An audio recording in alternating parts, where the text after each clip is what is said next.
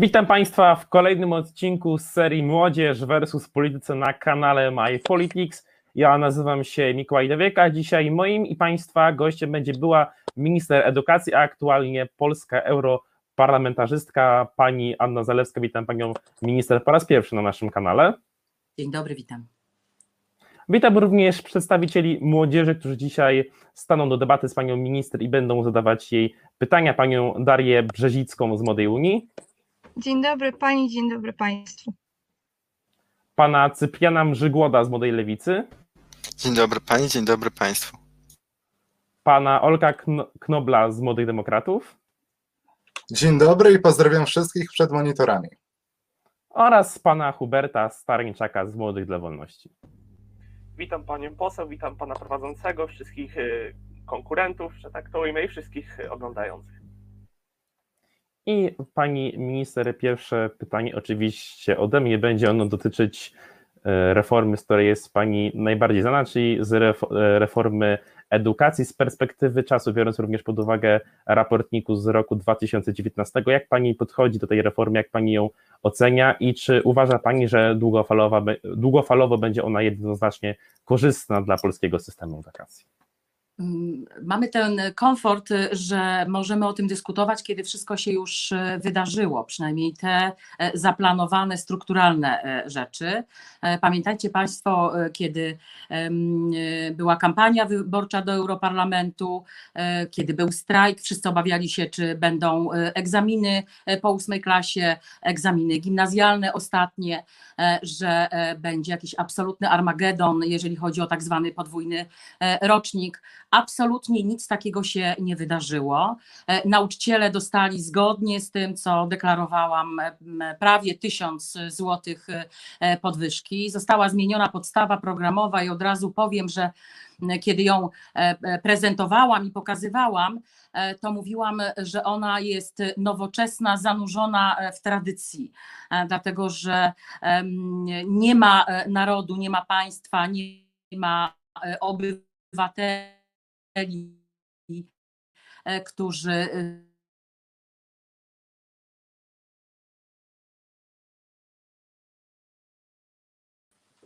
Jestem, przepraszam.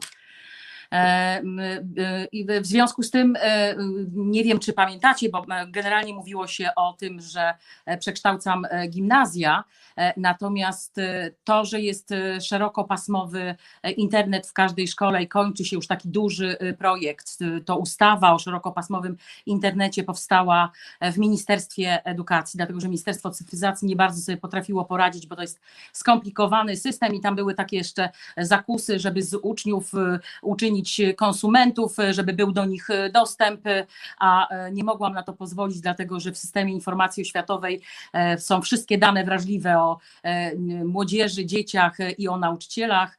E, pojawiły się multimedialne tablice, zaczęły wracać stołówki, pomału zaczęły budować się gabinety stomatologiczne. W sumie do całego systemu przyszło, mówiąc tak już kolokwialnie, ponad 12-13 dodatkowych y, miliardów. E, przypomnę też, że na samym początku e, mieliśmy kłopot z ograniczeniem wolności rodziców do decydowania o tym, e, czy sześciolatek idzie do szkoły, czy też zostaje w przedszkolu. Tę wolność w ciągu pierwszych trzech miesięcy przywróciłam i wyobraźcie sobie, rodzice właściwie o tym zdecydowali i ocenili. 95% rodziców zostawiło sześciolatki w szkole, w przedszkolu.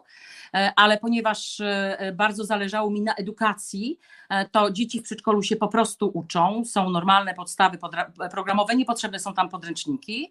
Jak również potraktowałam dzieci sześciolatków, to taki był też gest w stronę samorządowców, jak uczniów, w związku z tym poszły tam dodatkowe pieniądze, dlatego że przedszkola generalnie są zadaniem własnym gminy. Czyli wszystkie te zadania, które sobie zaplanowałam, zostały wykonane. Oczywiście pandemia spowodowała, e, że e, no, ten edukacyjny stolik e, trochę nam się wywrócił. Teraz są zupełnie inne priorytety. Natomiast najlepszy system europejski, fiński system jest właśnie dwustopniowy. E, e, system gimnazjów po prostu się nie e, sprawdził. I były na to oczywiście najprzeróżniejsze dowody i badania, które to pokazywały. Najważniejszy był taki, że młodym ludziom co chwilę zmienia się grupa, zmienia się klasa, czy zmienia się szkoła. Bo przypomnę Wam, było 1-3, później 4-6, później znowu 1-3, 1-3. I tak do końca nie można się było zaprzyjaźnić, poznać i nauczyciel do końca też swojego ucznia e, nie poznawał. To było jeden z dziesiątków e, powodów, e, dla którego były przekształcane gimnazja. I też jestem bardzo zadowolona z takiego, z, ta- z takiej decyzji, na którą też pewnie nie zwróciliście uwagi, że nie wolno dyskontynuować języka. To znaczy, jeżeli zaczynacie, wy jesteście za dorośli, żeby to zauważyć, ale tak się dzieje już w tej chwili w systemie, że jeżeli wybieracie angielski, to nie możecie powiedzieć w liceum, przepraszam, ja zaczynam od IM. A, Czyli nie wybierasz sobie kursu podstawowego, tylko musisz zgodnie z e, określonymi poziomami, które między innymi w British Council, bo to najczęściej jest angielski, e, musisz mieć taki poziom e, e, osiągany. E, I też e, pewnie takiego drobiazgu nie zauważyliście. E, Był taki moment, kiedy w klasie 1-3 nie wolno było wybrać podręcznika. Był jeden podręcznik, taki, e, to się w ogóle nie zdarza na świecie, że był jeden podręcznik, koniec produkowany e, w ministerstwie i nauczyciel, który miał pomysł e, na inny podręcznik, absolutnie e, nie był w stanie e, sobie tego podręcznika wybrać. Skarżyli się nauczyciele, aktualnie skarżyli Musimy postawić tutaj kropkę pani Dobrze, i minister. tylko jeszcze e, jedno zdanie o tym e, Jedno raporcie. Ten raport, jeżeli go przeczytacie, nie dotyczy mnie. On dotyczy samorządowców, bo tu jest e, kolejna uwaga. Pamiętajcie, po tym, jak e, odzyskaliśmy niepodległość, po e, obaleniu perelowskiego ustroju, samorząd i państwo umówili się, na co i kto wydaje pieniądze. I na przykład, jeżeli remont szkoły, jeżeli ciepła woda w kranie, papier toaletowy, to jest absolutna odpowiedzialność samorządów i one mają na to pieniądze, między innymi z podatków. Dziękuję bardzo i oddajmy głos młodzieży. Jako pierwszy pytanie zada pan Olek Knobel z Młodych Demokratów. Bardzo proszę. Tak więc pracuje Pani obecnie w Parlamencie Europejskim. Tak więc chciałbym spytać, czy w Pani przekonaniu w polskiej edukacji obecne są jakieś rozwiązania, które mogłyby się przyjąć za granicą, czy raczej które powinny być przyjęte za granicą? Jeśli tak, to czy uważa Pani, że wśród nich można wymienić innymi proponowane obecnie zmiany, do których należy przekazanie tak naprawdę władzy z zakresu mianowania dyrektorów szkół w ręce kuratorów oświaty takich jak Pani Barbara Nowak? Jeżeli chodzi o te zmiany e, zaproponowane, to ja nie ukrywam, że oczywiście rozmawiałam też e, z ministrami, przecież e, spotykaliśmy się e, dosyć e, często e, i te wady, o których ja wspomniałam, między innymi takiego podziału i takiego rozproszenia edukacji, są zauważane również w Unii Europejskiej. Tam jest duży kłopot z edukacją. We Francji, w Niemczech, w Wielkiej Brytanii, jak dobrze wiecie, to właściwie co samorząd to jest inny model e, na, ud- na edukację i e, raczej e, szanuje się przede wszystkim te prywatne e, szkoły, gdzie czesne wynosi 10 tysięcy e, funtów. To to jest e, na pewno tak, co pokazywałabym, że należałoby e, zrobić, bo to bardzo stabilizuje sytuację, e, tak jak mówię, e, e, pozwala zaprzyjaźnić się z uczniem, wziąć za niego e, odpowiedzialność e, i e, pomaga też w sprawowaniu e, nadzoru, czy to takiego samorządowego, czy też e, samorządu, e, e, czy, czy, czy też e, kuratorium, prawda, czy też Ministerstwa Edukacji. I druga rzecz, o tym się bardzo rzadko e, mówi, ja jestem z tego bardzo dumna, my bardzo unowocześniliśmy system informacji oświatowej, stworzyliśmy taki system internetowy, dlatego ja się nie bałam, mimo że wszyscy się bali, to oczywiście nawet koledzy z mojego środowiska politycznego, jak zauważyliście, w którymś momencie prawie zostałam sama. E, wszystko na swoje własne e, e, barki, ale ten system informacji oświatowej pokazuje, mm, e, znaczy pozwala widzieć w szkole wszystko. Oczywiście ja nie, nie, jestem, nie byłam w stanie podglądać lekcji, tak, ale wiedziałam, ile jest komputerów, ile jest nauczycieli, jak zarabiają, ile jest uczniów, z jakimi orzeczeniami, jakie pieniądze idą na każdego ucznia, ile jest klas, ile jest magazynów, które powstały z wcześniejszych klas, bo przecież taki jest niż demograficzny. I to ten system pozwala pozwala po prostu dobrze i racjonalnie wydawać e, pieniądze. Sama subwencja jest do zmiany. Ja zaproponowałam te zmiany samorządowcom, bo ona jest niesprawiedliwa, ona jest stara, przestarzała, czyli algorytm podziału tych e, pieniędzy. Trochę e, pozmieniałam, ale ją trzeba ca- całościowo zmienić. Samorządy odmówiły, mówiły, że nie, że już jest tyle tych zmian, że na razie nie są gotowi. Ten projekt zmian oczywiście w ministerstwie jest. Jeżeli chodzi o szkoły i nadzór, te e, e, propozycje, ich jeszcze nie do końca e, znam, na pewno są głośne, ale wiem, że bardzo często związki zawodowe i sami dyrektorzy czy też nauczyciele podnosili kwestię, że są takimi niewolnikami też swojego organu prowadzącymi, że wiele rzeczy nie mogą e, zrobić. No jest dwuwładza e, i taka powinna być. To znaczy ja jestem przeciwniczką e, centralizowania. Ja uważam, że szkoła jest, ma być wolna. Podstawy programowe, przypomnę Wam, to jest e, dosłownie kilkanaście, no, kilkanaście zagadnień, tak, które pokazują, w jaki sposób konstruować program. To wasi nauczyciele układają programy i one są zatwierdzane przez e, dyrektora. E, Ja mam propozycję, przyglądnijmy się, zobaczmy, natomiast ja jestem przeciwniczką centralizowania. Uważam, że e, trzeba się tutaj dogadywać właśnie dla dobra e, funkcjonowania szkół. I w ogóle jestem zwolenniczką tak zwanej wolności na zajęciach. Ja 15 lat uczyłam w liceum. To najprzyjemniejszy czas e, dyskusji i emocji e, na e, lekcjach. Bardzo mnie cieszyło, kiedy przy Kochanowskim na przykład pieśni o spustoszeniu Podola nikt nie zasypiał, tylko potrafiliśmy bardzo emocjonalnie dyskutować. U mnie dowolnie prowadziło się notatki, podręczniki były też do tego, żeby te notatki prowadzić. Stąd później jak się sprzedawało, to one były w cenie. Takie podręczniki od moich uczniów, bo tam na przykład interpretacja tekstu literackiego była po prostu ślicznie zrobiona przy każdym e, e, wyrazie. E, Więc nawet przy tym projekcie, o którym Pan mówi, nie ma czegoś takiego, że ktoś będzie bezwzględnie oddawany pod władzę kogokolwiek. Ta dwuwładza jest, ona jest dwuwładzą ustrojową, która została wymyślona po 1989 roku. Dziękuję bardzo i teraz jako kolejne pytanie zada pan Hubert Stareńczak z Młodych dla Wolności. Bardzo proszę.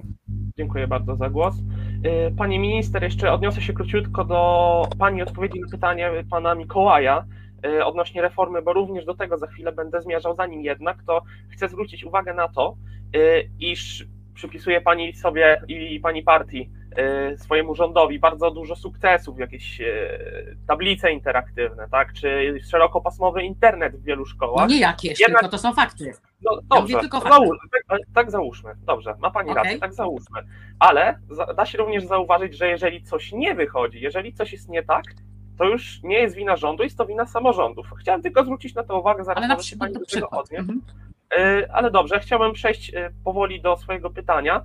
Y, Na początku chciałem zapytać, y, czy kiedy Pani chodziła do szkoły, za chwilę przejdę do już tego konkretnego pytania, czy jak Pani chodziła do szkoły, to była obowiązkowa nauka matematyki?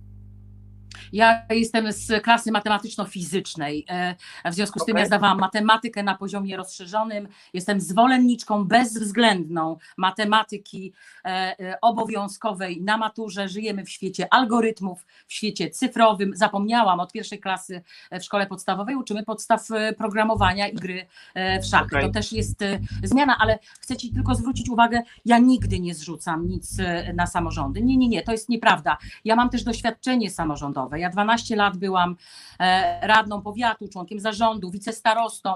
E, Ja byłam też e, wicedyrektorem szkoły, nauczycielem, więc ja tę szkołę znam, związkowcem, więc tę szkołę znam i system z każdej strony.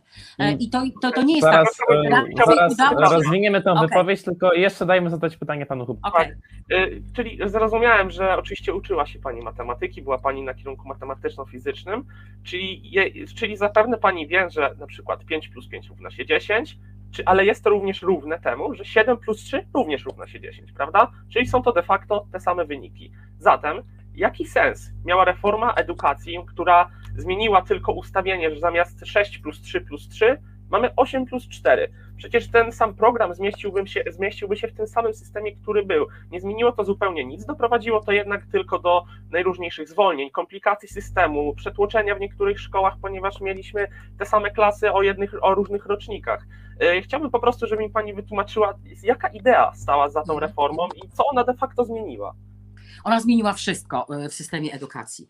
E, pierwsze jest e, to, o czym powiedziałam, tak? To znaczy, że nie przerywasz dziecku i młodemu człowiekowi co chwilę edukacji i co chwilę on nie zmienia grupy rówieśniczej dlatego że to jest przeszkoda psychiczna, psychologiczna, to jest też kwestia odpowiedzialności za to dziecko, za młodego człowieka przez nauczyciela. To po pierwsze. E, po drugie, e, jeżeli chodzi o e, liceum ogólnokształcące, to to była katastrofa. Przypominam Wam, że w pierwszej klasie liceum ogólnokształcącego jeszcze kończyliście gimnazjum, tak? Kończyliście te treści, tak? Najczęściej się jeszcze wyrównywało różne zaległości, bo gimnazja różnie realizowały podstawy programowe i tak naprawdę liceum było kursem przygotowującym do matury te dwa lata to już była tylko i wyłącznie pogoń za samą maturę. A w edukacji chodzi o coś więcej. Te cztery lata są potrzebne, żeby na przykład zrealizować wszystkie podstawy programowe, żeby nie mówić, że ja nie zdążyłem, nie zdążyłam, e, że czegoś jest, e, że coś jest niedopowiedziane, e, że są braki w tych podstawach programowych. Wreszcie nie było w ogóle szkolnictwa branżowego, takiego z prawdziwego zdarzenia. My współpracowaliśmy z, ze Szwajcarami, z Niemcami, wspólnie robiłam e, te e, reformy, ale też oczywiście widząc zmiany, e, za którymi już tam się nie nadąża, między innymi w Niemczech, dokonywałam takich korekt, polegających najkrócej rzecz biorąc na tym, że uczeń jest w firmie, a firma jest u ucznia, tak, że w tej chwili ktoś może skończyć 20 godzin, o ile pamiętam, kursu pedagogicznego inżynier z jakiejś firmy i może sobie przygotowywać e, e, kadrę. Oprócz tego e, jest możliwość, żeby on dofinansował, czy finansował jakąś klasę, tak? Pozwalał na to, żeby na nowoczesnym sprzęcie te praktyki były, a nie na czymś, co pamięta właściwie no, drugą połowę XX wieku. To najkrócej jak mogę. Natomiast jeżeli chodzi o przetłoczenie, tak, nie było tak, nie, nie, znaczy powiem w ten sposób, pojawiło się, pamiętacie, było takie określenie, które mnie e, krytykowało, mówiło się, że mm, e, szkoły są nie z gumy, nie rozciągną się, no ale one się nie skurczyły. To są te same szkoły, do, którzy, do których chodzili wasi rodzice e, z wyżów, jeżeli chodzi o roczniki, a te podwójne roczniki były porównywalne do tego, co wtedy było 11 lat temu, więc to nie był taki e, rocznik, jakbyśmy sobie wyobrażali. To był jedyny moment, kiedy można było tę reformę e, zrobić, bo później rzeczywiście były roczniki dużo większe i wtedy byłby duży kłopot. Jak ja podpisywałam ustawę, to najpierw miałam to policzone. Tak jak Ci powiedziałam, zbudowałam system, e, przepraszam Was, e, ja czasami się e, mylę, przepraszam Pana, pozwalam sobie jak na lekcjach. Więc jak Pan zauważył, tak, to jak mówiłam o tym systemie informacji oświatowej, najpierw to musiałam policzyć i sprawdzić, czy to jest po prostu możliwe do zrobienia. Inaczej na pewno projektu ustawy bym nie podpisała, jeżeli uznałabym, że jest to niemożliwe. Więc sensów y, jest dziesiątki plus dziesiątki e, badań e, mówiąc o takim e, przekształceniu. Jeszcze raz wrócę do Finów. Ja tam spędziłam kilka dni byłam na lekcjach, na zajęciach, jadłam na stołówce szkolnej, bo jeszcze to jest, myślę, przed edukacją bardzo ważne. Ja uważam, że młody człowiek, dziecko musi zjeść w szkole, że to nie jest coś dziwnego, tylko że to jest po prostu narzędzie edukacyjne. Po prostu wy macie prawo do tego, żeby mieć 40 minut przerwy, mieć tak zwany lunch, tak? E, odpocząć, zrelaksować się e, i e, wrócić do ciągu dalszego. Tu stawiamy kropkę, ponieważ mamy aż dwa adwocem. Jako pierwszy adwocem zgłosił pan Hubert Starańczak. Bardzo proszę. Bardzo dziękuję. Y, Pani mówiła, że teraz jeszcze króciutko się odniosę do tego, że była Pani w Finlandii, Pani obserwowała, dziecko musi zjeść. No nie ma co się porównywać do Finlandii, bo Finlandia jest w rankingach europejskich i nawet światowych na pierwszym miejscu jakości edukacji, natomiast Polska jest na 27 i jest wyprzedzana przez takie potęgi jak Ghana, Hiszpania czy Rosja i możemy równać się na przykład z Filipinami czy Malezją, więc myślę, że jest to porównanie dosyć groteskowe. Natomiast chciałbym jeszcze się odnieść do tego, co Pani powiedziała wcześniej o programie, ponieważ przecież mówiłem dosłownie wcześniej, że 6 plus 3 plus 3 równa się 12. 8 plus 4 również równa się 12. Pani powiedziała, że wcześniej było narzekanie, że nie zdąża się z programem, więc jaki to ma sens, że ludzie niby teraz będą zdążali, mając tyle samo czasu, ale wcześniej nie mogli, bo były z tym problemy. Jest, jest, nie, jestem w stanie, nie jestem w stanie po prostu tego zrozumieć. Yy, A co do, co do przetłoczeń, to oczywiście miały one miejsce, ponieważ młodzi ludzie, uczęszcza, uczęsz- uczęszczając w systemie 6 plus 3 plus 3, przyzwyczaili już się do pewnej, powiedzmy, liczebności uczniów w szkole, natomiast jak pojawiły się te nowe roczniki, to było ich znacznie, znacznie więcej i jest to po prostu zbędna komplikacja, doprowadziła ona do wielu zwolnień. Inna sprawa, że system edukacji powinien być jak najbardziej sprywatyzowany. Yy, Natomiast jeżeli już funkcjonujemy w tym systemie publicznym, no to jest to zwyczajny absurd, nie zmieniający zupełnie nic, jest to po prostu granie pod publiczkę. Dziękuję bardzo. E, Okej, e, to ja też sobie pozwolę. Nie absurd nie groteska. Rozumiem, że rozmawiamy e, poważnie i poważnie się traktujemy. W edukacji chodzi o coś więcej niż zwykłą matematykę, to znaczy e, e, 3 plus e, 6 plus e, 3, a tak, czy 8 plus 4, co pokazywałam na przykładzie rozwoju młodego człowieka i tego, jak funkcjonowało liceum. I też chcę Ci powiedzieć, że ten dodatkowy rocznik w szkole, m, który się e, pojawił, to była taka czwarta klasa, która zawsze tam e, była przed e, pojawieniem się gimnazjów. E, W związku z tym też jeszcze kilka zdań o samorządzie. Ponieważ subwencja oświatowa jest liczona na dziecko i na nauczyciela, tak? W związku z tym samorządy mają naturalną pokusę, żeby zamiast mieć dwóch budynków, e, mieć jeden i tak zwane dwie zmiany. Ta między innymi zaproponowana przeze mnie reforma, e, która e, no nie, nie, nie, jak- jakby samorządowcy nie, nie chcieli e, em, e, razem ze mną tutaj współpracować, miała polegać na tym, żeby klasę wystandaryzować i powiedzieć, e, że e, i- i- kiedy się e, prawda opłaca, żeby nie było pokusy na tworzenie klas większych i na e, tworzenie e, podwójnej, e, znaczy dwóch zmian. I to jest zadanie e, mm, samorządu. To oni budują szkoły, a ja przypilnowałam, żeby nie likwidowali szkół, tak? Rzeczywiście tutaj byłam bezwzględna, szczególnie tych małych szkół, dlatego że uważam, że one muszą być na wyciągnięcie prawie ręki, e, szczególnie e, dziecka. I nieprawdą jest, co powiedziałeś, nie wiem skąd masz taką informację, że były jakieś zwolnienia. Nie, nie. Reforma edukacji spowodowała przyrost zatrudnienia.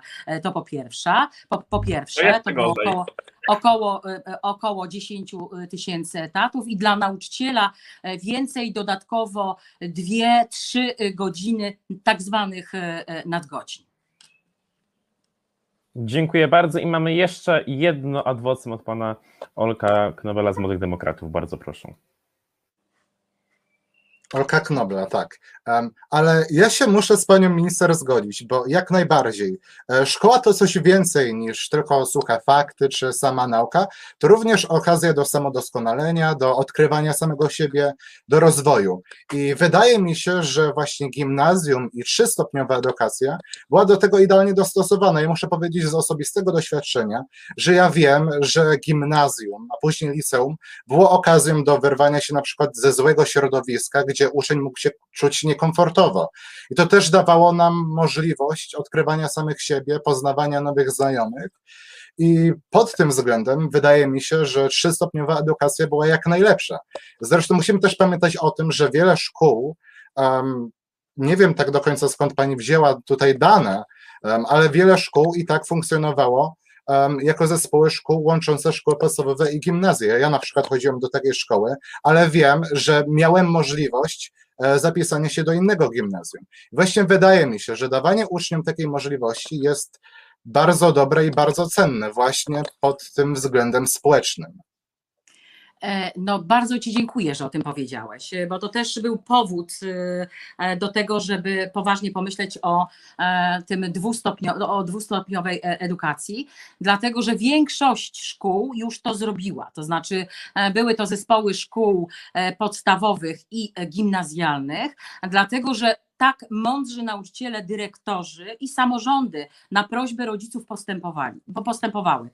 Po prostu nie chcieli, żebyście zmieniali e, środowisko, dlatego że e, samorozwój e, nie wiąże się tylko i wyłącznie z tym, że ty ciągle zmieniasz miejsce.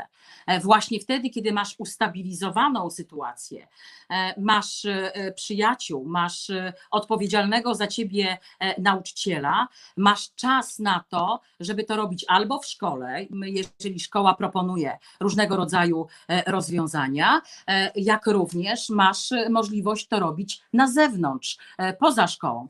E, I jeżeli chodzi o dane, ja nigdy ich skądś nie biorę. E, Wszystkie dane, którymi ja się posługuję, to były badania albo to był system informacji oświatowej. Dziękuję bardzo i wracamy do serii pytań. Jako kolejne pytanie zada pan Cyprian, Cyprian Mrzygłód z Młodej Lewicy. Bardzo proszę.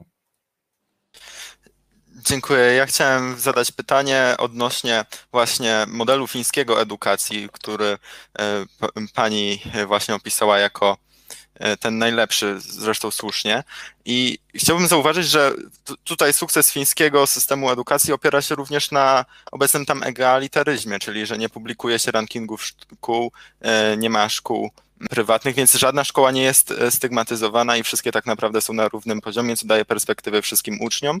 I chciałem zapytać, czy taki system pod tym względem również e, widziałaby Pani jako taki idealny e, w Polsce? Na pewno jest to system, do którego trzeba dążyć. W szkole, w, w systemie edukacji jest tak zwana ewaluacja. Ewaluacja, e, która e, jest projektem europejskim, on się kończy w 2021 roku e, i e, to on też e, mobilizuje dyrektorów, e, e, nauczycieli do takiego rankingowania, e, które nie zawsze jest sprawiedliwe e, dlatego że te rankingi, czy jakby efekty, czy wyniki szkół nie zawsze zależą od nauczycieli, nie zawsze zależą od szkół. E, Podam e, przykład. E, Szkoła z biednej dzielnicy, która na starcie ma dzieci z różnymi dysfunkcjami, to, że ona powoduje, że dziecko kończy szkołę, i e, nie wiem, nie chodzi na wagary, nie popada w jakieś złe towarzystwo, to to jest większy sukces, większa zasługa tych nauczycieli, dyrektora i rodziców współpracujących e, niż e, elitarna e, e, szkoła, e, gdzie e, każdy uczeń bierze po kilka godzin korepetycji. E, Więc to też nie jest efekt samej szkoły, tak, tylko efekt pieniędzy rodziców i e, zajęć e, dodatkowych. E, Tak, e, to jest e, cel e, i tak jest on opisany w prawie oświatowym, e, żeby szkoła była dla każdego, e, że e, jeżeli szerokopasmowy internet, jak zaczęłam o nim mówić, to wszędzie, E, czy to we Wrocławiu, w Warszawie, czy też e, e, e, na wsi pod e, wschodnią e, granicą, E, bo to jest prawdziwe wyrównywanie szans. To oczywiście e, trochę jeszcze będzie e, trwać, ale szkoła e, z biblioteką, e, z multimedialnym sprzętem, szkoła e, ze stołówką, tak, każdy e, młody człowiek, obojętnie do której chodzi szkoły, ma dostać takie samo wykształcenie. Ale wiesz, co było też sukcesem e, fińskiej e, szkoły? Oni e, mm, zbudowali e, doskonały system kształcenia nauczycieli. To im zajęło 30 lat. E, My w tej chwili e, od chyba 2019 roku dopiero obowiązuje system na uczelniach taki, e, który zmienił sposób kształcenia nauczycieli, bo nie wiem czy wiecie, ale nauczyciele potrafili się kształcić na naprawdę zupełnie przypadkowych szkołach. W tej chwili one muszą mieć e, certyfikaty, to muszą być uczelnie, muszą mieć e, swoją e, komórkę badawczą. Nauczyciele mają uczyć się no, też nowoczesnych technologii, bo mieliśmy przecież podczas pandemii z tym kłopot. Przeżywaliście to pewnie na każdym kroku. I tak to do, do, do tego trzeba dążyć. Tylko też pamiętajcie, że w Finlandii oni mają e, dużo prościej, bo tam jest po prostu mało dzieci e, i e, też łatwiej im te, te dziećmi się zaopiekować. A jeszcze wrócę, bo kolega, twój poprzednik cytował PISę. To nie jest tak, że my jesteśmy na jakimś strasznym miejscu. Zauważ, jakie są małe różnice. To są absolutnie porównywalne systemy. Ten system, jak wyjdziemy z okresu pandemicznego, tak? Bo teraz no, rzeczywiście do wakacji jeszcze pobądźmy ze sobą razem. E, od września po prostu trzeba e, uczniów e, wesprzeć i nauczycieli, tak? Wy musicie się na nowo odnaleźć. Wszystko inne jest na razie wtórne. Nie możecie pozwolić, żeby w ogóle mówiono o pandemicznych rocznikach, że one są straconymi rocznikami, bo to jest katastrofa. Ja w ogóle nie pozwalam dorosłym tak mówić. To w ogóle jest, to my dorośli, tak, czy nauczyciele muszą odpowiadać za to, e, żeby właśnie z tego e, e, wyjść. I mam nadzieję, że też system w tym wszystkim Dziękuję pomoże. bardzo. I przed nami ostatnie pytanie pierwszej tury pytań od pani Darii Brzezickiej z Młodej Unii. Bardzo proszę. Tak, ja najpierw już nawet nie, nie odnosiłam się jakimś adwocem, bo, bo stwierdziłam, że po prostu sobie to zostawię na tą chwilę. Po pierwsze, chciałabym się odnieść do tego, co Pani mówiła o badaniach, bo nie jest tak, że e, gimnazja nie, jakby nie sprawdziły, że nie, nie zdały egzaminu, wręcz przeciwnie. Dlatego, że biorąc pod uwagę na przykład badanie PISA, to w czytaniu interpretacji tekstu polscy uczniowie zajęli czwarte miejsce w Europie. Wydaje mi się, że jeżeli faktycznie, i mogłabym tak wymieniać, ale po prostu szkoda mi czasu. Więc nie sprawdza się ta teza, o której Pani mówiła, że gimnazja nie, sprawdzi, nie, nie sprawdziły się po prostu. Po drugie, jeżeli chodzi o te budynki szkół, że one nie są z gumy, to faktycznie nie są z gumy i jak były te dwa roczniki, to nie dało się w wielu tych szkołach w ogóle przejść nawet na schodach, bo było tak zatłoczone hale. Natomiast odniosę się, bo już chciałam zapytać o reformę, ale myślę, że Pani już y, jasno powiedziała, jaki ma temat um, na tą sprawę. Więc odniosę się do strajku nauczycieli, który też był za, za Pani kadencji. Pani powiedziała, że nauczyciele nie tracili pracy, a nawet ją zyskali. Więc chciałabym się zapytać, skąd według Pani wziął się strajk nauczycieli i jakim cudem on tyle trwał. I może dodam, że ja byłam e, w drugiej klasie liceum, kiedy ten strajk miał miejsce i pamiętam swoje lekcje, jak one wyglądały i co nauczyciele mówili. E, no nie były to pochlebne słowa, jeżeli chodzi o panią jako minister edukacji i ogólnie cały, cały ten obszar. Wziął, wziął się ogólnostrajk, ogólny, mm, ogólnopolski strajk E, nauczycieli, według Pani? E, jeżeli chodzi o badanie, o którym e, mówisz, e, że to jest kwestia gimnazjum, nie, PISA nie jest badaniem w gimnazjum, tylko PISA jest badaniem piętnastolatka. Piętnastolatek obojętnie w jakim systemie musi umieć między innymi czytać ze zrozumieniem, rozwiązywać zadania.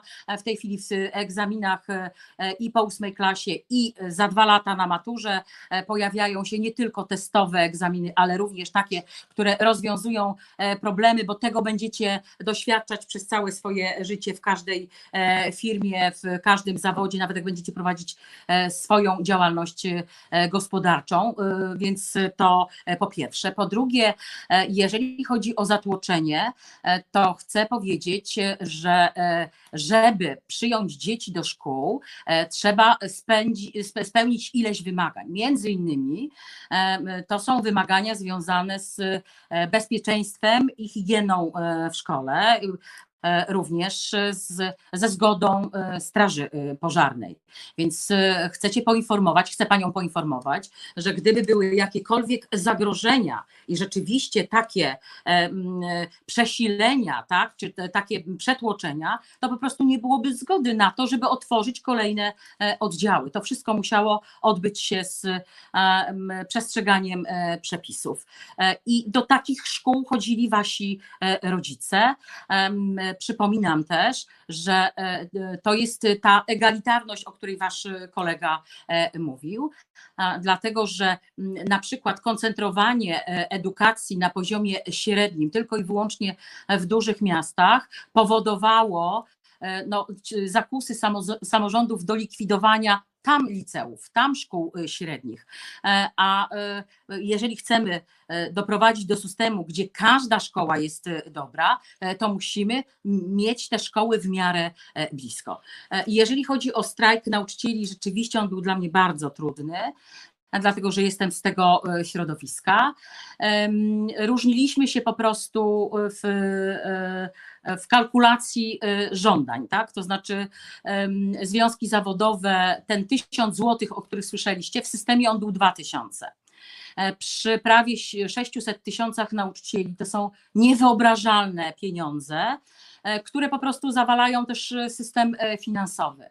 E, ja e, nie miałam wpływu na budżet, ja zarządzałam e, częścią budżetu i oczywiście to minister finansów, tak, czy rząd decydował, na jaką skalę podwyżki nas zwyczajnie stać. Ja policzyłam te pieniądze, zobaczyłam, jaka jest możliwość systemu i po prostu absolutnie w żaden sposób nie mogłam ruszyć się dalej. Szanowałam te emocje. Myślę, że nauczyciele też e, już e, po tych dwóch latach są w stanie ocenić wszystko, e, co się wydarzyło, widzą w swojej kieszeni te podwyżki. Średnio nauczyciel dyplomowany w tej chwili zarabia około 6900 zł, bo te paski, które oglądaliście, to były pierwszymi paskami, bo nauczyciel ma jeszcze drugi, e, za między innymi e, nadgodziny, które e, ma w szkole. Starałam się szanować te emocje. Obiecałam rodzicom, że przeprowadzimy egzaminy ponieważ one są w systemie zewnętrznym, dlatego udało się zresztą przy pomocy dyrektorów, kuratorów, wojewodów i wolontariuszy, bo zgłosili się wolontariusze do tego, żeby przy tych egzaminach być. E, proszę mi wierzyć, że ja jestem urlopowanym e, nauczycielem e, i znam swoje koleżanki i kolegów i uczciwie im powiedziałam, że po prostu więcej pieniędzy nie ma możliwości wprowadzenia do systemu, dlatego że potrzebna jest zmiana. Też zachęcałam do tej zmiany. Stąd na szczęście udało się przeprowadzić egzaminy i jak pewnie pamiętacie, był też taki kłopot, że nauczyciele chcieli doprowadzić do tego, żeby maturzyści nie zostali dopuszczeni do e, matury, czyli doprowadzić do absolutnej katastrofy, zawalenia całego systemu, bo to też, zauważcie, też był kolejny etap reformy, tak? Pierwsza, e, pierwszy egzamin e, po ósmej klasie, ostatni po gimnazjum i ten system już właściwie stawał się nieodwracalny. W edukacji jest tak, że co tydzień właściwie coś się w tej szkole E, dzieje. Nie można się zawahać, trzeba to po prostu e, kontynuować. E, nie wiem, czy pamiętacie, ale w jeden dzień przeprowadziliśmy taką ustawę, która dawała kompetencje dyrektorom do tego, żeby klasyfikować uczniów i wtedy strajk się skończył. I powiem Wam, ilu młodych ludzi uratowaliśmy, bo to było też nieodwracalne. Koniec, nie przystępujesz do matury, powtarzasz trzecią klasę, nawet jak masz średnią 5-8. I tych przypadków mieliśmy 16 tysięcy. Dziękuję bardzo i mamy dwa adwocem. Pierwszy od pani Darii Brzezickiej, proszę bardzo. Ja się odniosę do tego, jak pani porównywała gimnazja i ósmą klasę z, z naszych czyli no nie ukrywam, że też z moją mamą, która faktycznie w tej e, podstawówce ósmej klasie była. Ja z nią ostatnio nawet rozmawiałam i doszłyśmy do takiego wniosku, że to były kompletnie inne czasy i wydaje mi się, że porównywanie podstawówki za czasów gdzieś PRL-u, chwilę po PRL-u do 2021 roku, gdzie 15-latki są znacznie dojrzalsze niż były za czasów naszych rodziców, jest po prostu niestosowne. Myślę, że to jest niewłaściwe określenie e, niestosowne. E, to e, naukowcy y, oceniając y, rozwój młodego człowieka wskazywali właśnie na takie e, rozwiązania. Oczywiście, że to są inne szkoły, dlatego są inne podstawy programowe, dlatego są inne wymagania dla nauczycieli, dlatego szkoła staje się systematycznie e, cyfrowa, bo mamy właśnie XXI wiek. Przypominam Ci podstawy programowania, ale i gra e, w szachy, która doskonale uczy logicznego myślenia, czy też gry planszowe, bo żeby uczyć podstaw programowania, wcale nie musicie siedzieć e, przed komputerem, możecie to robić zupełnie inaczej, inaczej. nawet na klockach Lego można uczyć e, podstaw programowania i uwierzcie mi, że e, dzieci w pierwszej, w drugiej klasie fantastycznie przyjmowały takie rozwiązania. Po prostu system edukacji jest no, takim organizmem, gdzie efektów nie widać od razu i nie możemy dyskwalifikować i mówić tak, ten system dwustopniowy w Polsce to czasy PRL-u, ale w Finlandii e, jest ok. Nie wiem, czy pamiętacie, ale e, dzieci w Finlandii w wieku 7 lat idą do e, e, szkoły i nikomu tam do głowy e, nie przychodzi, żeby było inaczej. Oczywiście jest wolność rodziców, tak jak w Polsce. Jeżeli chcą sześciolatka e, wysłać do pierwszej klasy, również mogą to zrobić. Dziękuję bardzo i mamy jeszcze jedno adwocem od pana Cypriana Mrzygłoda z Młodej Lewicy. Bardzo proszę. E, Tak, jako że tutaj z oczywistych względów cały czas przewija się wątek e, reformy, to, chci- to chciałbym, żeby jeszcze adwocem tutaj tego dotyczyło, a dotyczyć będzie konkretnie praktyki, ponieważ no, sam jestem z rocznika 04, więc doskonale wi- wiem, jak wygląda tutaj praktyka reformy, czyli też przepełnienie. Tu- Tutaj pani mówiła, że, mm, że nie ma tego problemu. Ja uważam, iż on faktycznie jest, niezależnie czy on wpływa na bezpieczeństwo, czy po prostu na komfort, ale on niewątpliwie istnieje. Nie mówiąc o tym, że gdyby e, faktycznie ze względów bezpieczeństwa nie otwierano e, oddziałów, to po prostu było, byłby jeszcze większy problem e, z niedoborem miejsc dla uczniów, a i tak teraz na skutek reformy tysiące uczniów się nie podostawało, a też wielu, wielu moich znajomych po prostu już na samym starcie rekrutacji musiało zrezygnować ze swoich e, planów. e. No i jeszcze kwestia matur, że tak naprawdę mój rocznik dopiero teraz niedawno dowiedział się, co, czego mamy się uczyć do matury, jak będzie ona wyglądać, a mm, co moim zdaniem też pokazuje, że ta reforma była utrudnieniem właśnie szczególnie dla mojego rocznika. E, no to Ci e, gratuluję i za wszystkie niedogodności e, przepraszam. Natomiast kto, słuchajcie, decydował o tym, czy można otworzyć jeszcze jeden oddział, czy też nie? Dyrektor szkoły razem z organem prowadzącym, razem z rodzicami. Jeszcze raz powtarzam, że jeżeli gdziekolwiek e, są jakieś e, kłopoty, to one nie mogą wynikać, wynikać z, e, z faktu no, tak zwanego podwójnego rocznika.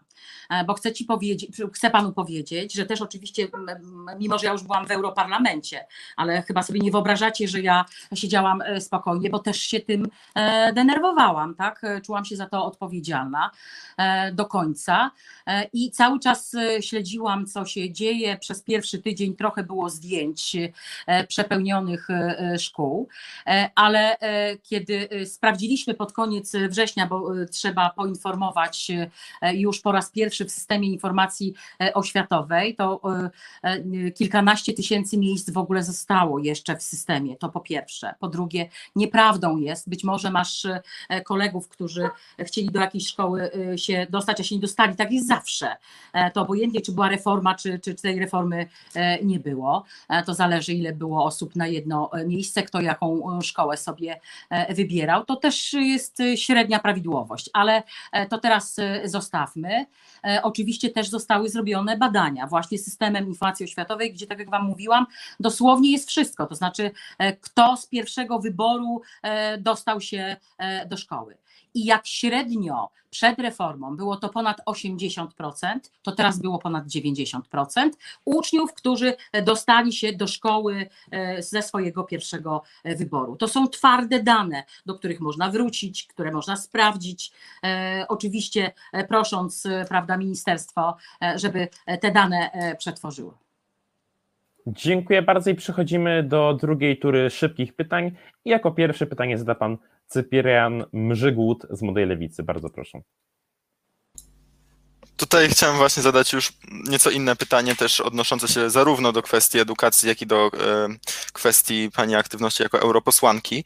Więc e, chciałem zapytać o stosunek do edukacji seksualnej, gdyż gdy była w, Polsce debata nad projektem mającym penalizować, e, penalizować właśnie edukację seksualną, wydaje mi się, że złożyła Pani rezolucję, która ogólnie też krytykowała sam zamysł edukacji seksualnej i Mm, no zdecydowanie nie odnosiła się krytycznie do penalizacji edukacji seksualnej. Tylko chciałem zapytać, dlaczego się sprzeciwia Pani, bo jak rozumiem się Pani sprzeciwia, edukacji seksualnej, która na przykład według standardów mm, Światowej Organizacji Zdrowia i obecnych, obecnej nauki, która tak naprawdę pomogłaby młodzieży w każdym wieku zarówno dowiedzieć się więcej i w sposób zrównoważony o swojej seksualności, czy um, chronić potencjalnie dzieci i młodzież przed molestowaniem, która po prostu byłaby dobra dla bezpieczeństwa, zdrowia czy e, edukacji dzieci i młodzieży. E, jesteś przed komputerem, to podczas e, dyskusji spróbuj sobie wy, wy, e, wygooglować rozporządzenie, w którym jest wychowanie do życia w rodzinie i tam w podstawach programowych edukacja seksualna jest łącznie z tymi wszystkimi kwestiami, o których mówiłeś.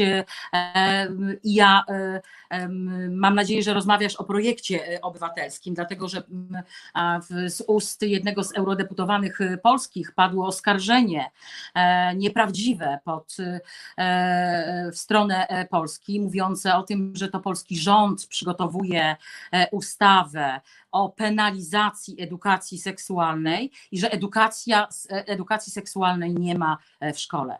Jest to po prostu nieprawda. Wystarczy to sprawdzić.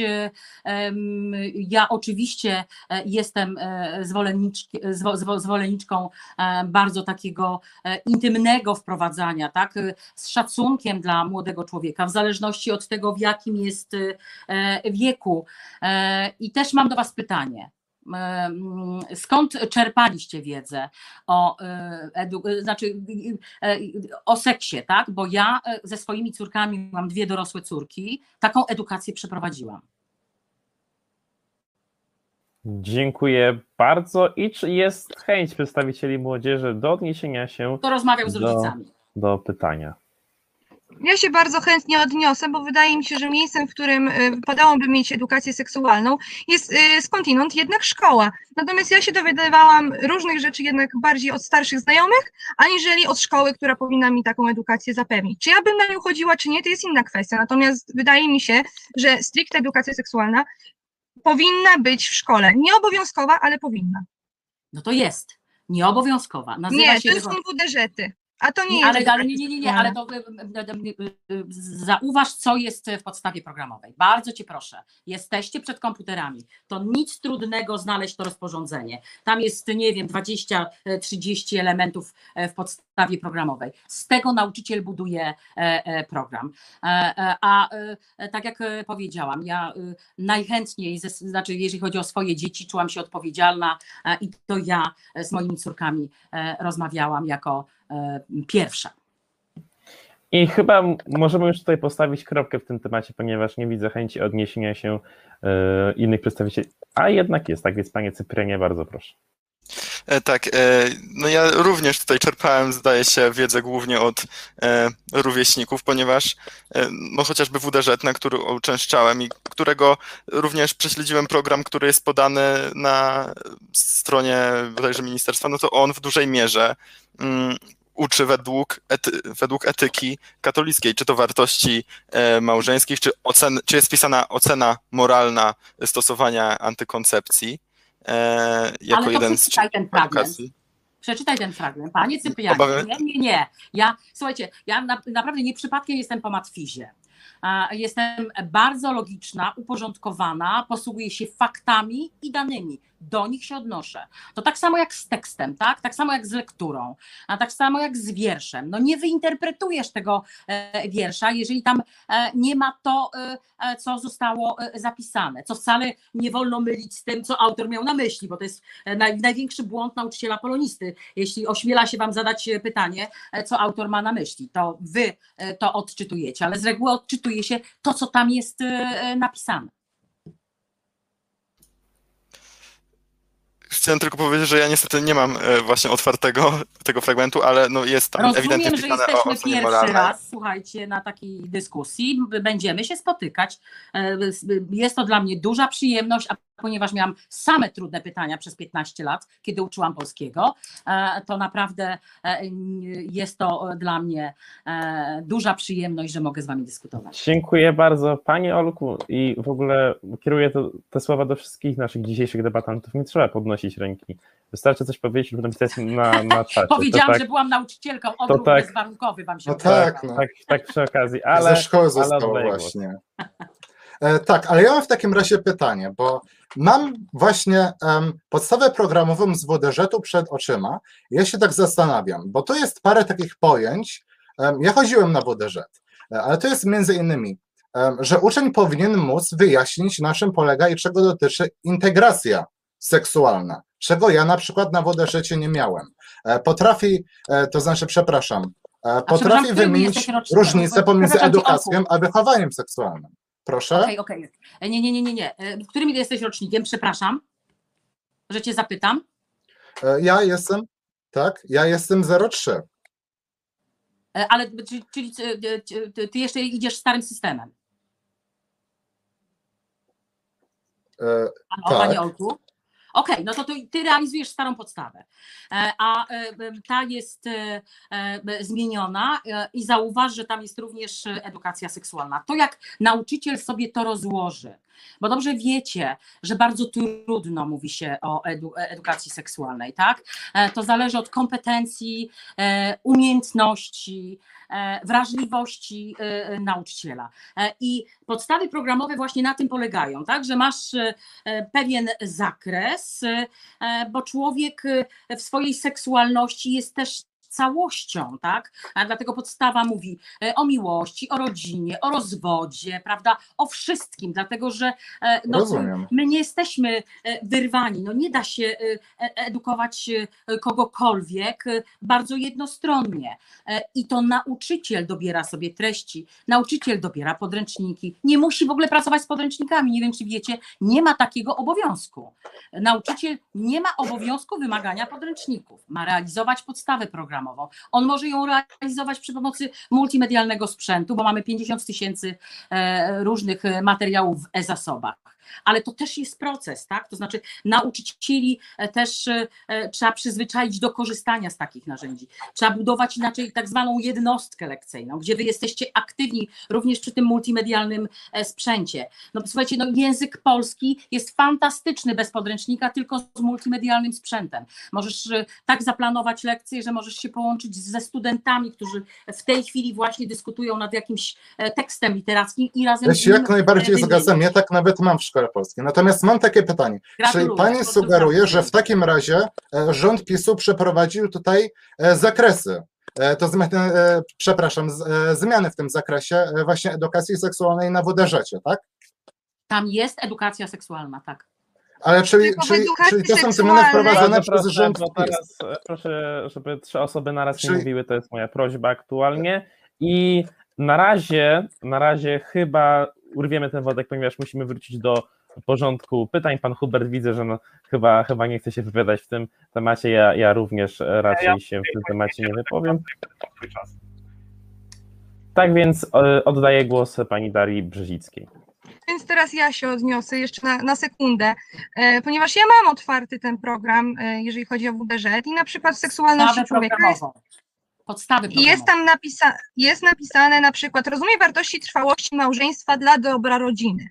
Nie wiem, czy to i w jaki sposób to się wiąże z seksualnością człowieka. Ja byłam na rozszerzonym humanie przez trzy lata w liceum i niestety nie doszłam do tej konkluzji, jak to się ma do seksualności, ale to pominę.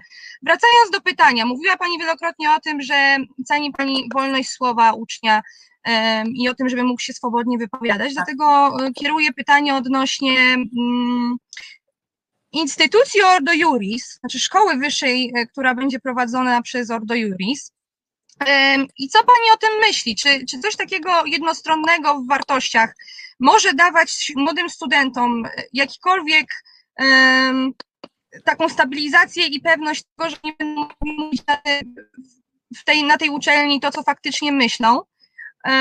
To jest pierwsze, a jeżeli chodzi o władzę, ponieważ tutaj nie wiem, czy pani wie, natomiast władze naszego rządu przyszły na inaugurację mm, owej uczelni i wydaje mi się, że jest to łamanie artykułu 25 ustęp 2 Konstytucji, gdzie znaczy mówi się, że władze powinny być bezstronne w sprawach filozoficznych czy światopoglądowych. A jakby może jeszcze dodam, o co mi chodzi, że biorąc pod uwagę, że byli na takiej inauguracji, gdzie wiadomo, czym jest Ordo Juris i jakie mają myśli, to wydaje mi się, że to jest troszeczkę pieczętowanie tego co, i akceptowanie tego, co będzie wykładane na tej uczelni. E, e, pani Dario, a nie sądzi Pani, że właśnie e, Pani chce ograniczenia wolności? Wolność polega na tym, że my się zrzeszamy, gromadzimy, chodzimy do szkół, do których chcemy, tworzymy sobie szkoły, jakie chcemy, na przykład niepubliczne, mogą być o różnych wartościach, muszą realizować tylko podstawę programową. Tak samo jest y, z uczelniami. E, I pani Dario, e, władze, premier, ministrowie bywają w różnych publicznych instytucjach, w różnych y, uczelniach, e, są zapraszani na różne inauguracje, spotkania, są na różnych warsztatach. Ja w, w ciągu tego prawie czteroletniego swojego ministrowania odwiedziłam kilkadziesiąt szkół. W związku z tym szanujmy tę wolność. Niech każdy e, wyraża swoje poglądy, realizuje się w jaki sposób chce. Przecież tam studentów nikt nie będzie przymuszał do tego, żeby chodzili na te uczelnie. Oni to wybiorą, oni podejmą taką decyzję, e, oni będą czytać statuty, oni będą wiedzieć, jakie zasady tam obowiązują, oni przeczytają sobie, e, jakich e, rzeczy będą się tam uczyć. Wolność kończy się tylko tam, gdzie, gdzie wchodzimy jakby w, w wolność drugiego człowieka, bo to jest, to jest dopiero anarchia hierarchia, tak? Ale jeżeli szanujemy się nawzajem, pozwalamy sobie e, wyrażać e, e, swoje poglądy. Ja mam inną ocenę tej instytucji, o której pani wspomniała.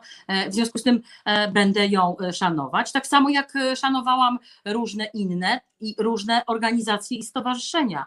Nie wiem, czy Państwo zauważyli, to była, najwię... to, to, to, to była największa trudność w ministerstwie.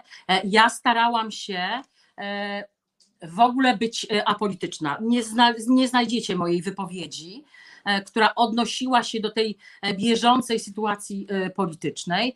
Starałam się tylko i wyłącznie rozmawiać na tematy edukacyjne, dlatego właśnie, że tak jak pani Daria mówi, uznaję, że w szkole są różne dzieci, różni rodzice, a każdy z nich jest wolny i ja mam tę wolność szanować. Dziękuję bardzo. I jako kolejny pytanie zada pan Hubert Stareńczak. Bardzo proszę. Bardzo dziękuję. Zanim jednak zadam pytanie, chciałem troszeczkę przez chwilę odnieść się do dyskusji, która miała przed chwilą miejsce między przedstawicielami młodzieżówek a panią minister. I doprowadziła mnie ona do takiej dosyć, wydawało się to dosyć śmieszne również z mojej perspektywy, jednak doprowadziło mnie to po czasie do pewnej refleksji, jak bardzo historia ruchu protestancki, ruchów protestanckich, y, rewolucja, jak bardzo zniszczyła nasze społeczeństwo, że nawet pani minister, która jest w partii nazywającej się prawicową yy, i głosząca mimo wszystko, mimo że ma lewicowe poglądy gospodarcze, w miarę prawicowe yy, postulaty światopoglądawe, to jednak promuje to, co wymyślili właśnie protestanci, czyli, czyli właśnie obowiązkowa edukacja i że tutaj wszyscy Państwo dają sobie samemu jakieś moralne prawo do tego, czego dzieci powinny się uczyć, bo jedni uważają, że no w szkole każdy przecież powinien y, mieć coś takiego jak edukacja seksualna, czy też nie.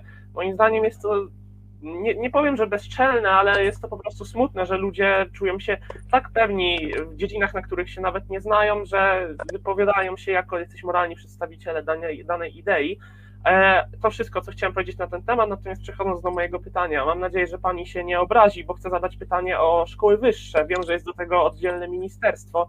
Natomiast jestem pewien, że jest Pani tak światłą osobą, że również będzie Pani w stanie na to odpowiedzieć. Mm, Mianowicie, jaką widzi Pani receptę na to, że polskie uczelnie są tak nisko y, w rankingach nawet europejskich, gdyż patrząc teraz na różne strony różnych organizacji, patrzę, gdzie jest Uniwersytet Warszawski w Europie, widzę go na 96 miejscu za takimi państwami jak Irlandia, Belgia, Finlandia, oczywiście Szwecja, Niemcy, Hiszpania, które nawet dru ich drugorzędne uczelnie wyższe są lepsze, dużo lepsze niż właśnie Uniwersytet Warszawski, nie wspominając o Uniwersytecie Jagiellońskim i jeszcze innych uczelniach.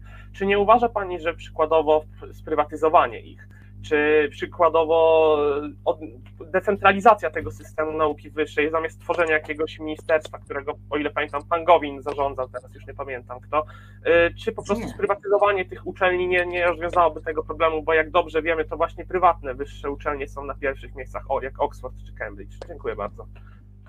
E, No to jesteśmy w wolnym e, kraju, dlatego uczelnie e, prywatne mogą powstawać jakie tylko chcą. E, W związku z tym, e, jeżeli pojawia się taka inicjatywa, e, to tylko cieszyć się, że no, będzie stawała do różnego rodzaju rankingów. Nie, nie ośmielę się dużo więcej mówić na temat szkolnictwa wyższego, dlatego że się po prostu na tym nie znam. E, Natomiast y, powiedziałeś o tej, y, przepraszam, powiedział Pan o tej edukacji y, seksualnej. No ona właśnie jest nieobowiązkowa. A poza tym nieprawdą jest, że jeżeli uczeń nie chce chodzić do szkoły, to y, y, nie może uczyć się w domu. Może. Jest domowe nauczanie. Dziękuję bardzo i przed nami ostatnie pytanie. domowym, z tego co wiem. I Proszę? przed nami ostatnie do- domowym? Nic Tak, jest w systemie. Tak, ale ja nic o tym nie mówiłem. Nie wiem, czy musi pani w jakikolwiek sposób do tego E, odnosić. Nie, bo powiedziałeś, że ty- to jest takie protestanckie, że my tutaj chcemy, żeby każdy chodził e, do szkoły. powiedział. Bo jest nie, przymus to edukacji. jest nauczanie przymus, domowe. ale, ale jest przymus edukacji? Obowiązek, oczywiście, że tak. No to właśnie, to jest wymysł właśnie Marcina Lutra. Dlatego jesteśmy w XXI kropkę. e, wieku I tu, i możemy wyr- wyrównywać szanse. I tu postawimy kropkę, przechodząc do ostatniego pytania pana Olka Knobla z Młodych Demokratów. Bardzo proszę. No tak, więc ja bym chciał tutaj się rozwinąć nad tym, co pani wcześniej powiedziała właśnie odnośnie WDŻ-ów i edukacji seksualnej, bo ta podstawa programowa, którą teraz widzę, e, na co pani zwróciła uwagę, jest dla klas 4-8, e, czyli to jest już po zmianie PiSu. Tak więc, jeżeli mamy tutaj punkty o edukacji seksualnej, jeżeli pani mówi, że edukacja seksualna w szkole występuje, to czy sugeruje pani w takim razie, że e, edukację seksualną w Polsce wprowadził lub też poszerzył rząd PiSu? Rząd y, PiSu e, realizuje i kontynuuje e, wychowanie do życia w rodzinie, w której między innymi jest mowa o seksualności, bo to jest rzecz e, oczywista. Trudno oczekiwać, żeby mówić o rodzinie, nie wspominając całej sfery seksualności młodego człowieka, czy w ogóle człowieka. To jest przecież oczywiste. Natomiast Jeszcze raz podkreślę, to są podstawy programowe, które realizowane są poprzez program budowany na podstawie e, programowej e, przez ekspertów. Ja też, e, słuchajcie, jestem ekspertem od języka polskiego, jestem polonistą. Nie odważyłabym się dyskutować z matematykiem, mimo że skończyłam e, klasę matematyczno-fizyczną. E, No, tak e, wygląda edukacja, tak kończymy studia, tak się specjalizujemy, tak się doskonalimy, e, po to właśnie, żeby no, świadczyć Wam najlepszą edukację. Dziękuję bardzo i tym samym kończymy dzisiejszy odcinek Młodzież versus Politycy. Bardzo dziękuję naszym widzom za obecność na dzisiejszym spotkaniu, a także na poprzednim, zapewne w lwiej części. Zapraszam na jutrzejsze odcinki o godzinie 18 Młodzież versus poseł Mejza, a o godzinie 20 starcie temat polityki klimatycznej, polityki energetycznej pomiędzy Januszem Korwin-Mikkem a Jakubem Wiechem, a dzisiaj moimi i Państwa gośćmi byli pani minister Anna Zalewska, E, Dziękuję Wam E, i e, jeżeli pozwolicie, to ja się wproszę kiedyś na dyskusję o środowisku. Zapomniałam powiedzieć, że w podstawach programowych na każdym e, etapie i właściwie z każdego przedmiotu elementy klimatu są wprowadzone i jestem jedyną Polką, e, która pracowała przy prawie klimatycznym w Parlamencie Europejskim, bo ja mam po prostu dodatkowe, mam jeszcze drugie wykształcenie z najwyższą przyjemnością o prawie e, klimatycznym, o bioróżnorodności, o wodzie, o lasach, z przyjemnością e, mo- mogę z Wami dyskutować. Na pewno rozważymy tą propozycję, a innymi gośćmi byli pani Daria Brzezicka, Dziękuję pani bardzo za merytoryczną dyskusję. Bardzo pan. Hubert Starańczak, Dziękuję bardzo za dyskusję, dziękuję pani minister za rozmowę i mam nadzieję, że do zobaczenia niedługo. pan Olek Knobel, Ja również bardzo dziękuję za merytoryczność i kulturę osobistą. oraz pan Cyprian Mrzygłód. Dziękuję panie ministrze, dziękuję wszystkim Również dziękuję, Do do zobaczenia. zobaczenia, do usłyszenia, miłego wieczoru wszystkim.